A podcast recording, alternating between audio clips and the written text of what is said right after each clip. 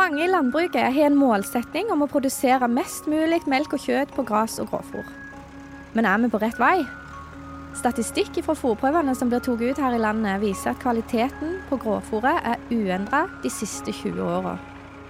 Om dette er virkeligheten, kan jo diskuteres, men det er i alle fall et signal om at det fortsatt er en jobb å gjøre.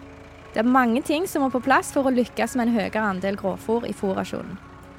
Ikke bare skal fôret ha et høyt næringsinnhold, men det skal være rett gjæra og rett fortørka og rett kutta, og i tillegg serveres på en måte som gjør at dyra klarer å ete mye av det. Men hva skjer egentlig når vi endrer strategi for å bedre kvaliteten på grovfòret? Hvordan påvirker det arbeidsmengden din, økonomien, kraftfòrbehovet og hvordan du skal jobbe? I dag skal vi snakke om overgangen til tidligere slått, og hvordan det påvirker din hverdag. Du hører på podkasten Bondevennen. Mitt navn er Ingvild Steines Luteberget.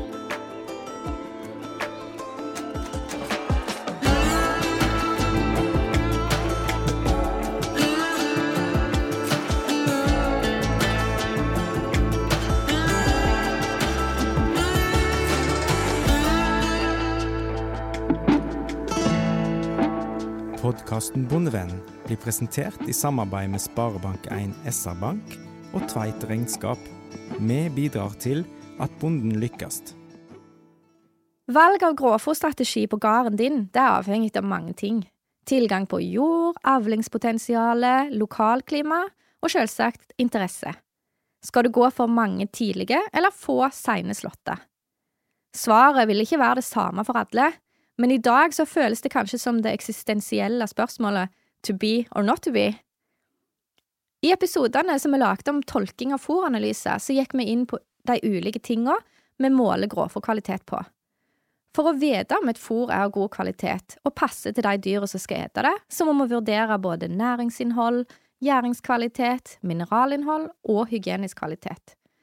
I dag skal vi fokusere på næringsinnholdet og hvordan din grovfòrstrategi påvirker dette. Det er mange prosjekter og tiltak som er satt i gang for å bedre grovfòrkvaliteten her i landet, særlig rettet mot melkeproduksjon. Men hva er egentlig målet, hva kvalitet vil vi ha? Jeg har snakka med Helge Øksendal, som leder grovfòrsatsinga i Tine. De har utvikla grovfòrprogrammet for å motivere og hjelpe produsenter til å komme nærmere dette målet.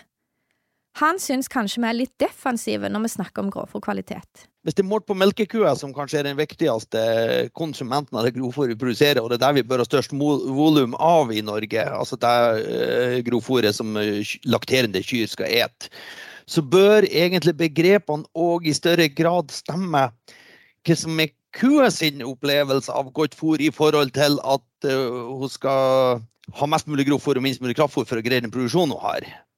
Og da, og da, da, da, tror vi at kanskje begrepene er litt defensive i forhold til uh, Altså Vi har liksom sett at vi får et middel som er sånn og sånn, ergo er det middels. Ja, det er middels i fas, men uh, det kan godt hende at det egentlig er under middels i forhold til hva, hva, som, hva som, er, hva som er et, uh, et godt melkeproduksjonsfôr. Hva som er god kvalitet og hva som er middels, det kan vi måle på forskjellige måter. Vi bruker jo ofte fôrenheter når vi snakker om energiinnhold i grovfôr. Men det er vel så viktig å vurdere fordøyeligheten, og det vil si hvor mye av fôret kua klarer å utnytte når vi skal sette tall på hva kvalitet vi ønsker. Ja, og, vi, og, vi, og, vi, og, det er klart at eh, Hvis en tenker at første slåttene ligger på 0,84 i fôrneskonsentrasjon, kanskje en sånn 71 oppimot 72 OMD, som vi bruker mer og mer nå, uh, uh, da, tenker vi at vi burde nok ha flytta det der middelet i større grad opp rundt eh, kanskje 75 eh, på OMD. Eh, da blir kyrne mer glad, rett og slett. I hvert fall vomme. hvert fall vomme. Ja. Uh, og det er jo moderat. Skal du flytte noe selv oppover der, så begynner det å bli dramatisk. Da begynner det å bli så mange flere faktorer du må ta hensyn til for å få det her til å fungere. Så da blir det straks mer agronomisk krevende. Men har vi i hvert fall det opp dit, så, så kanskje er det 75 som skulle hete middels. Hvor tid du skal slå for å oppnå denne kvaliteten, har vi gått grundig gjennom i episoden som heter Slått. Så vil du høre mer om varmesum og utviklingstrinn på gresset, så kan du gå tilbake i arkivet og slå på denne. Dess høyere ytelse vi har på kyrne, dess større krav stiller det til gråfòret. Skal vi ha en høy ytelse, så vil et seint slått struktur i gråfòr være begrensende for produksjonen. Vi må opp i høye kraftfòrmengder for å kompensere, og for å klare å utnytte grovfôret. Og da kan vi fort komme i en situasjon der vomma kommer i ubalanse. Det kan dra med seg mange følgefeil, og på sikt så går det ut over helse, fruktbarhet og holdbarheten til kyrne. Og alt dette vet vi jo er viktig for å få god økonomi og dyrevelferd i produksjonen vår.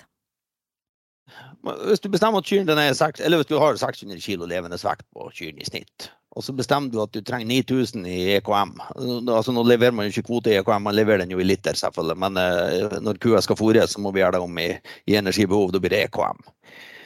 Hvis kua skal melke 9000 på 600 kg levendesvekt, og du skal ha 0,84 ja, så er du nødt til å inngå noen kompromisser i de aller fleste tilfellene. Du må som regel gå litt høyere på kraftfôr enn det som uh, gir ei optimal vom. Og da får du redusert tørrstoffutnyttelse på det, for, på det grovfôret du har gitt, osv. Så, videre, og så, videre. sånn at man, jeg er jo litt usikker på hva, kompromiss skal unngå. Altså, da må man jo enten få seg noen kyr til hvis den fortsatt skal fylle kvoten, eller så bør den rett og slett gå ned litt på kvote, sånn at den greier å opprettholde dyrevelferd. Og, altså både fruktbarhet og helse, som gjør at du over tid for Det der blir veldig skjulte kostnader, for de kommer ikke i morgen eller i dag, når du holder på med den her, men de kommer over år. Det kommer nok for en dag at dyrene ligger litt i rødfeltet på turtæleren, eller vomma ligger litt i rødfeltet på turtæleren over tid. Vi, vi, vi, kommer ikke utenom det, selv om, selv om vi ikke kan ta den med sansene og fra den ene til den andre dagen, så skal vi ikke undervurdere at de der sammenhengene finnes likevel. Det tenker jeg er et viktig budskap her. så, så, hvis en skal ha 9 eller 10 000 i avdrått at man ser at de der fjøsplassene man bygde, de ble så dyre at de kyrne som skal ha en sånn plass, de må pinadø ha bra unnskyld språket, ha bra, ha, bra, ha bra, produksjon. Og kanskje enda bedre, jeg skal bygge ny fjøs, og jeg har ikke råd til det. Nei, for at de legger inn 8500 i kalkylene. Hadde lagt inn 10 000-11 000 i kalkylene og forutsett at det der grovfòret skal greie å produsere både mengden og kvaliteten på det, så hadde jeg kunnet bygd en mye mindre fjøs og hatt like stor melkeproduksjon, f.eks. Men hva er godt nok? Det handler jo om å stappe så mye grovfòr som mulig inn i dyra. Og dess mer fiber der er per kilo tørrstoff, dess mer fyller det opp vomma. Venter vi lenge med å slå, så blir jo fiberen mer ufordøyelig og gjør at vi ikke får noe energi ut av den. Den ligger bare der og tar opp plass fra fôr som kunne gitt energi til dyret. Det er oftest førsteslåtten som er den beste. Det er fordi det er da vi har best forhold for å dyrke gress. Lave temperaturer og mye lys, det gir god kvalitet på gresset. Venter vi for lenge med førsteslåtten, så får vi også en kortere sesong for de neste slåttene. Så vi må være på hogget med førsteslåtten. Men det er av og til litt skummelt å si det, for det, det som ofte skjer, det er at de som allerede er tidlig ute, de begynner å slå tidligere, mens de som vi sikter til, som godt kunne vært litt tidligere ute, de har fortsatt god tid. Men er vi tidligere med første slåtten, så gir det ofte en ekstra slått i andre enden. Det er ikke noe mål å gå til tre slåtter, men det er et mål å slå første slåtten tidligere for å få kvaliteten. Det, men i og med at varmesummen er den samme, så, så kommer det nå en til slått i andre enden, enten man liker det eller ikke. Og, og så må man bare passe på å slå den før det blir vinter, sånn at det blir, eller av hensyn til overvintringa, slå den ikke for sent. Ja.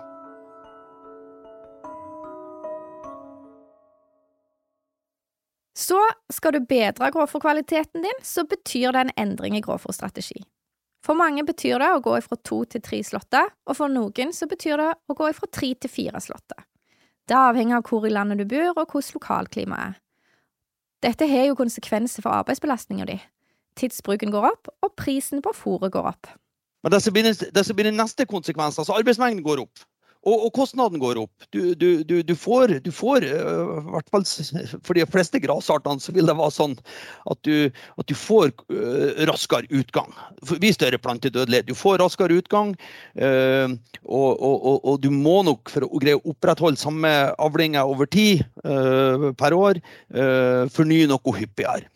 Og så tror jeg mange at den, den, den fornyingsarbeidsmengden med fornying den tror jeg er, tror jeg er litt uh, jeg, tror, folk tror det er verre enn det det egentlig er når det regner på det. Da får ikke de tallene for Grofo 2020 til å stemme at det der er så digert arbeid. Men det er kanskje mer at det foregår på et tidspunkt der det er så kritisk å finne tid uh, til ting. At det er det som er årsaken. Jeg er mer bekymra for, for, for, for, for slåttearbeidet uh, og, og, og, og samlinga og hjemtransporten av, av rundballen. Det tar det øker desidert mest uh, timetallet. Men å øke med én slått, det er ikke det samme som å øke arbeidsbelastningen med en tredjedel. Uh, det, det, altså, mengden grasstreng, altså lengden, antall kilometer eller mil med grasstreng du må kjøre igjennom, den er, den er proporsjonal med antall slåtter. Så øker du på med én slått, så må du kjøre en gang til hele den lengden som du slo på hver de andre slåttene. Men du får ikke like mye volum i snitt per slått, så du kan kjøre litt fortere, og det er litt færre rundballer sank i hop. Og så tror jeg det er en faktor til. Det at når du slår tre slåtter, så får du et mer føyelig gras. Så det vil si at du greier å få ut mer luft av hver rundball. Altså ca. 40% av rundballen er luft. Uh, og det gjør at du får, får du får kanskje til og med, om du, om du hadde samme tørrstoffavling på tre som to slåtter, så vil du likevel få med stor sannsynlighet færre rundballer å, å, håndtere. Så antall turer til og fra jordet for å få kjørt det her hjem, hvis det er antall på lasset som er begrensninger, sånn, vil kunne gå ned. Så det blir en ekstra runde med slått og det som følger med, men du er ofte mer effektive i hver hausting.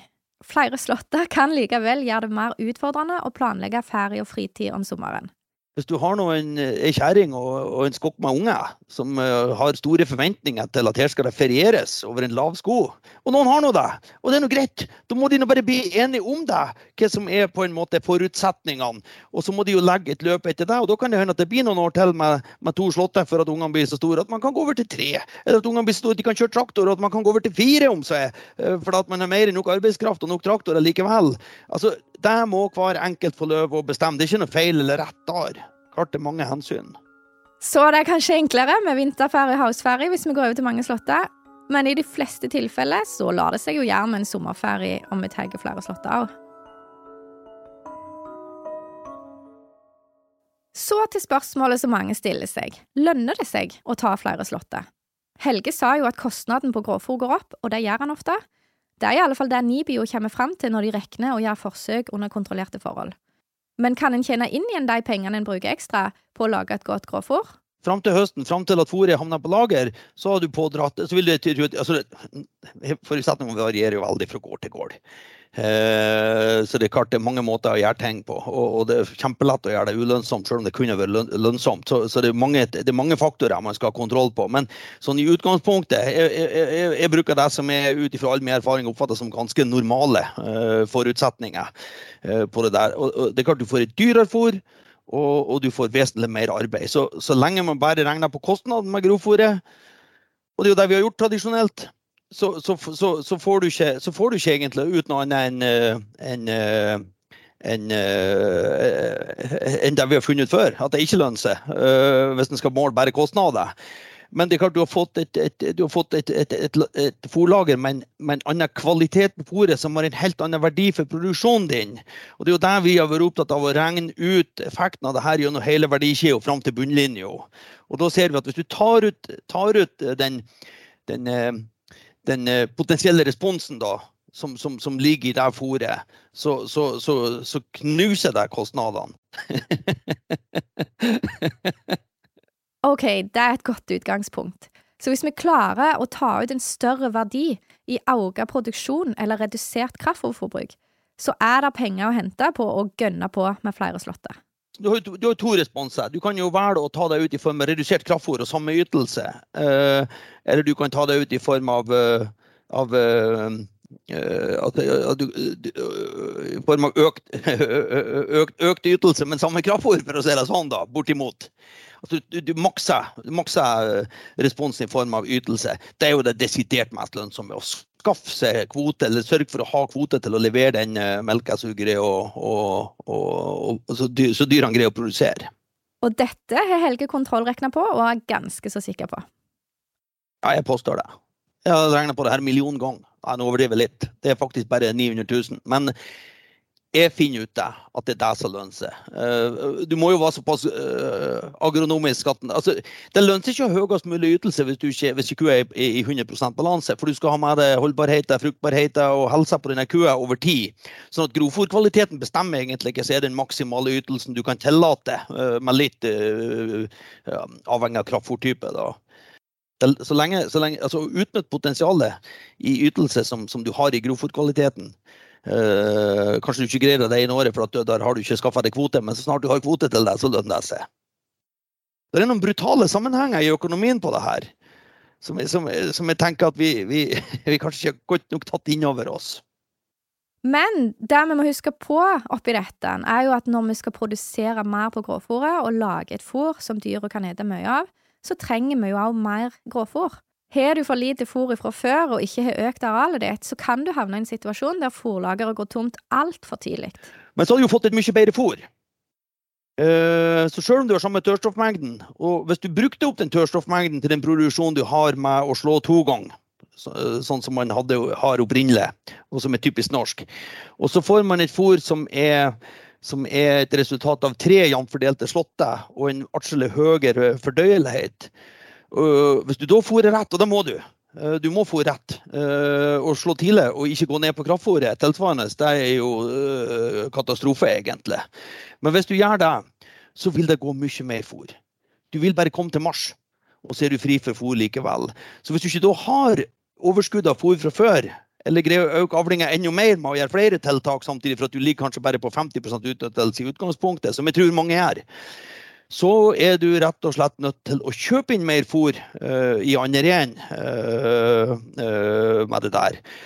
Og det, er jo greit hvis det, fôret du nå har produsert, er det som skal sikre dyrene med høy ytelse. Det kan være raskt voksende okser i tillegg til lakterende kyr. Så, så, så, må du påregne at du må kjøpe inn mer fôr til de øvrige ungdyrene og kanskje sinkyrne. da. Og her kommer jo prisen inn. Kostnadene på det fôret du har produsert, har allerede gått opp. Og så må du kjøpe fôr i tillegg. Det kan bli dyrt. Særlig hvis det er høye grovfòrpriser. Og vi vet jo at det varierer en del. Men det fôret er lettere å få tak i i markedet, for du har ikke så høye krav til, til, til kvalitet.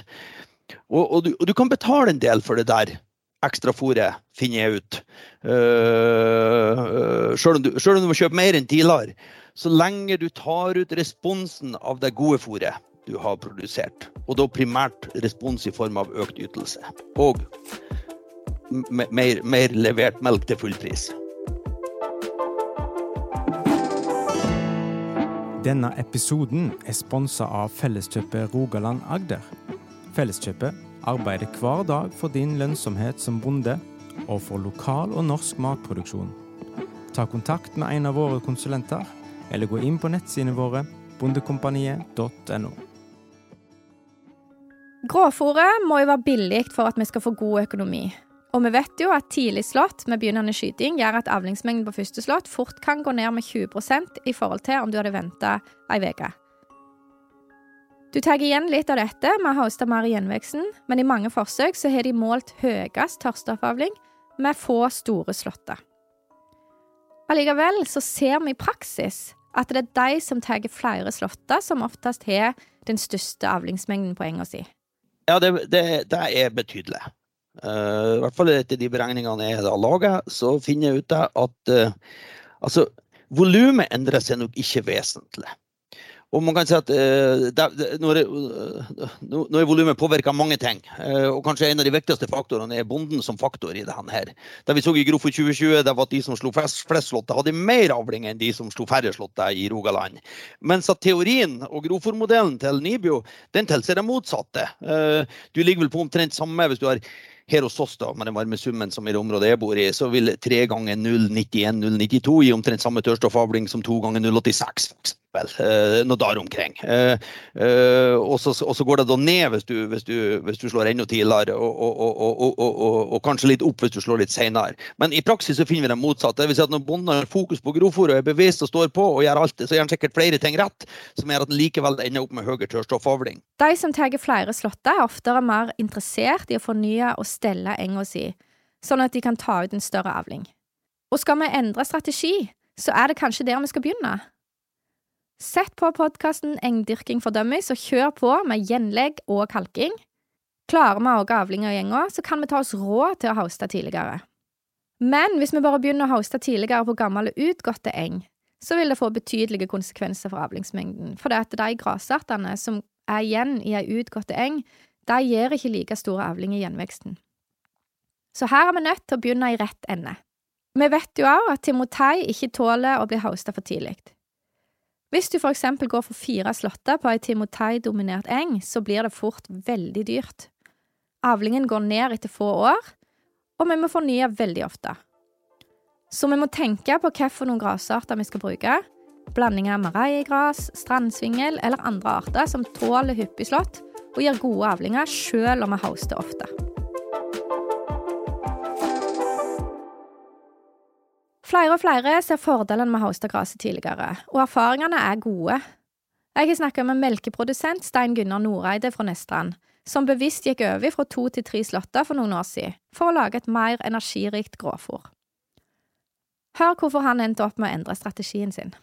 Eh, det gjorde jeg for å utnytte arealene bedre, eh, utnytte denne vekstsesongen som vi har. Eh, en vekstsesong som begynner i kanskje mars og varer til ute i oktober, så er det bedre for meg å ta tre slått der og lage et fôr som dyret kan utnytte, enn å lage masse vannfull og så bruke supplere med kraftfôr. Stein Gunnar ser at det blir noe mer arbeid, men han syns òg det gir så mange fordeler med tanke på stress og arbeidsbelastning. Én uh, slått ekstra, det blir jo uh, et det blir jo én slått ekstra med værvarsel som skal studeres, og alt sånt som det. Men samtidig så var før første slåtten så viktig med tanke på volumet. Det var jo kanskje 60% av avlingen. Og da uh, var det mye spenning knytta til å ta den til rette tid.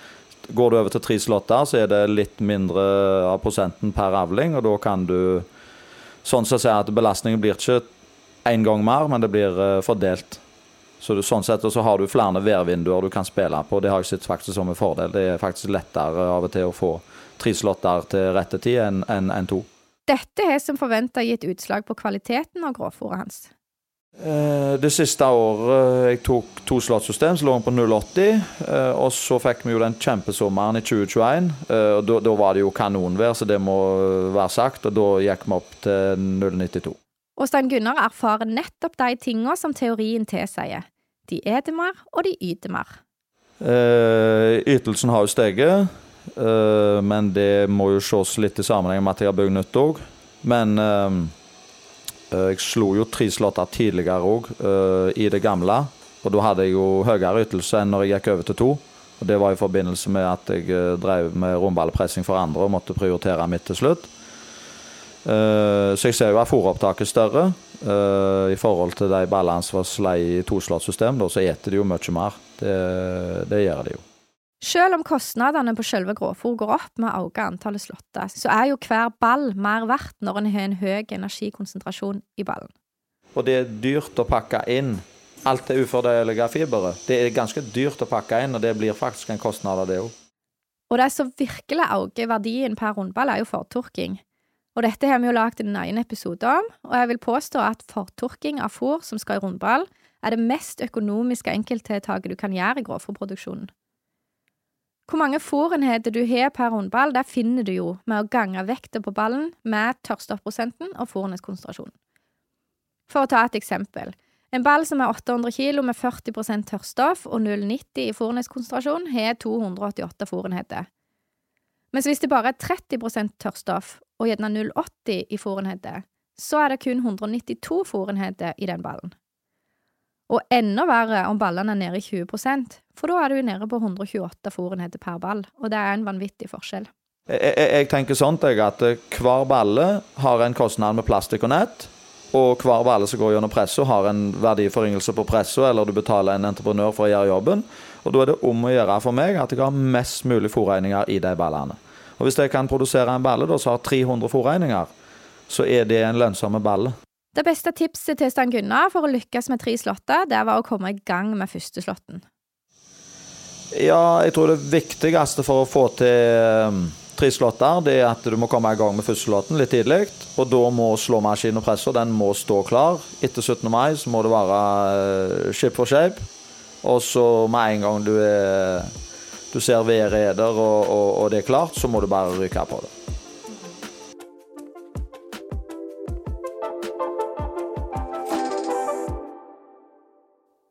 Når du endrer grovfòrstrategi, så påvirker det fôringa i fjoset. Er du vant med et struktur i grovfòr, så må du endre tankegangen litt. For det første vil du måtte fôre mer grovfòr, du må altså kjøre inn mye mer fôr på fôrbrettet. De eter mer, og hvis du gir samme mengden, så vil du ende opp med et tomt fôrbrett. Og ofte så må du redusere betydelig på kraftfôret. det, skal, det skal ganske mye mot til. Uh, hvis man i, i flere generasjoner, uh, og, i hvert fall i hele sin egen driftstid, har drevet med et 084-fôr og fått en vane på hvilke kraftfôrmengder, ulike ytelser og, og, og grovfòrmengder det tilsier, så, så, så, så, tror jeg det er ganske stor endring å greie å skjønne hvor mye mer grovfòr som skal inn på det fòrbrettet. Og, og, og, og, å stole på at kua kan greie å ete sånne mengder grovfòr og, og, og greie å melke så mye med så lite kraftfòr som det vil innebære noen gang, rett og slett. Så det, det tror jeg man, fordel man, man, man, må ha litt støtte på, rett og slett. Og, og, og, og ha noen uh, å snakke med uh, som har gjort det før, eller som virkelig tror på det som greier å, å gi det mot til å, til, å, til å tørre det der, til å våge det, rett og slett. Det er en overgang å tåre å gå ned på kraftfôret, som kanskje kan være litt skummel. Vi er jo avhengige av at de melker jevnt og trutt, og vi har jo ikke råd til at de dropper i melk. Så en gradvis tilvenning til bedre grovfòr og forsiktige nedtrapping av kraftfòr kan være lurt. Det finnes jo mange ulike kraftfòrslag som har ulikt innhold av fordøyelig fiber. Det kommer an på hvordan kraftfòret er sammensatt. Er det mye mais og roe, for eksempel, så tåler dyra mer av det enn hvis det består av mye kodden, eller særlig bygda, som er veldig lett fordøyelig, og gir raskere sur vom med store doser. De kraftfôrene som har mye fordøyelig fiber, tåler dyra større mengder av, også i lag med et tidligere slått grovfôr. Men hvis vi gir store mengder kraftfôr, så tar det opp plassen til grovfôret, det vi kaller substitusjonseffekten. Og da oppnår ikke vi det resultatet som vi vil, nemlig at de skal melke på mest mulig grovfôr. I tillegg til å gi mer grovfôr og redusere på kraftfôret, så må vi sørge for at dyra faktisk får til å ete mer. Da må vi tenke på utforming av fjoset, sånn at de kommer seg til det fôrbrettet som vi så klart alltid har friskt og appetittlig fôr på. Vi må sørge for god kutrafikk, og det handler om åpne fjos med god oversikt, sånn at dyra tør å bevege seg fritt. Dyr som har lav rang, de blir ofte tapere i bygg der det er trangt og tette vegger, som gjør at de ikke tør å gå til fôrbrettet så ofte som de burde. Godt utforma liggebåse som gjør at dyra legger seg ned, sånn at de ikke står og henger og tar opp plass på gangarealet og gode gulv, som gjør at beina holder seg friske, sånn at de kan bevege seg rundt. Og så er det jo litt lurt å fordele de populære tingene utover i fjoset, sånn som børste og kaffeautomat og drikkekar osv. Alle disse de bidrar til at flyten i fjoset blir bedre, og det blir enklere å lykkes med høyt gråfòropptak. Det er fortsatt mange grunner til å ikke hauste gresset tidlig. Noen har dårlige erfaringer. De har kanskje opplevd sur vann pga. for lite fiber, erfart at de uansett må tilsette halm eller annen strukturfôr for å holde på magene. Dette handler ofte om at de ikke lykkes med å få nok grovfôr i dyra. Selv om et tidligslagt grovfôr inneholder mindre fiber per kilo tørrstoff, så vil de kunne kompensere for det med å få de til å ete flere kilo. Men hvis du har for lite fôr, eller fôr som er feilgjæra, så får du et problem. For hvis fôret er tidlig slått og har lite fiber, og i tillegg smaker dårlig, så kommer vi i en veldig vanskelig situasjon. Vi får det ikke til å ete nok gjennom grovfòret, fordi det rett og slett smaker drit. Og så kan vi heller ikke kompensere med mer kraftfôr for å holde ytelsen, fordi de ikke tåler det med så lite fiber i vomma. Så skal du i gang med å slå gresset tidligere, så må du ha kontroll på ensileringa. Men da er det bare å brette opp armene og sørge for god gjæring. Skal vi nå målsetningen, så må vi kanskje bare hoppe i det. Det er jo et lite knepp opp nå fra myndigheter og alt. Det, det skal jo bli litt mer seriøst nå. sant?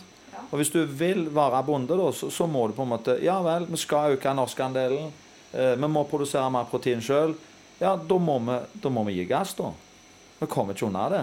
Og, og, og, hvis ikke folk vil det, så, så, så, så vil det Da klarer vi ikke målet, iallfall. Det kan vi jo si. det. Vi får ikke mål, målsettingen kommer aldri i hop, den da. Klar tale der, altså. Selvsagt så trenger vi jo også strukturfôr. Det er ikke sånn at alt fôret skal haustes så tidlig som vi snakker om i denne episoden. Vi trenger strukturfôr til gjellkyr, til drektige kviger og til andre dyregrupper, sånn som lågdrektige ammekyr og søye.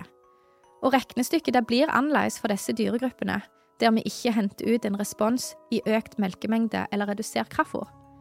Men det er en annen historie, kanskje en egen podkast? Nå er det på tide å oppsummere. Overgangen til tidligere slått har konsekvenser for arbeidsmengden, økonomien og hverdagen din. Det blir mer arbeid med slått og fornying av eng.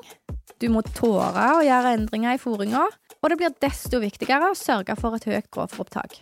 Der går mer grovfòr, de kan fort ete 20% mer når du hauster gresset tidligere, og kanskje ender du opp med å måtte kjøpe inn rundballer. Men klarer du å hente ut responsen av den forbedra fòrkvaliteten du har lagd, så knuser det kostnadene til produksjonen av fôret. I alle fall under normale forutsetninger. Du har hørt på podkasten Bondevennen. Mitt navn er Ingvild Steines Luteberget, og til daglig er jeg rektor ved Vinterlandbruksskolen i Ryfylke. Episoden er produsert i ABC Studio i Etne. Lyd ved Stig Morten Sørheim.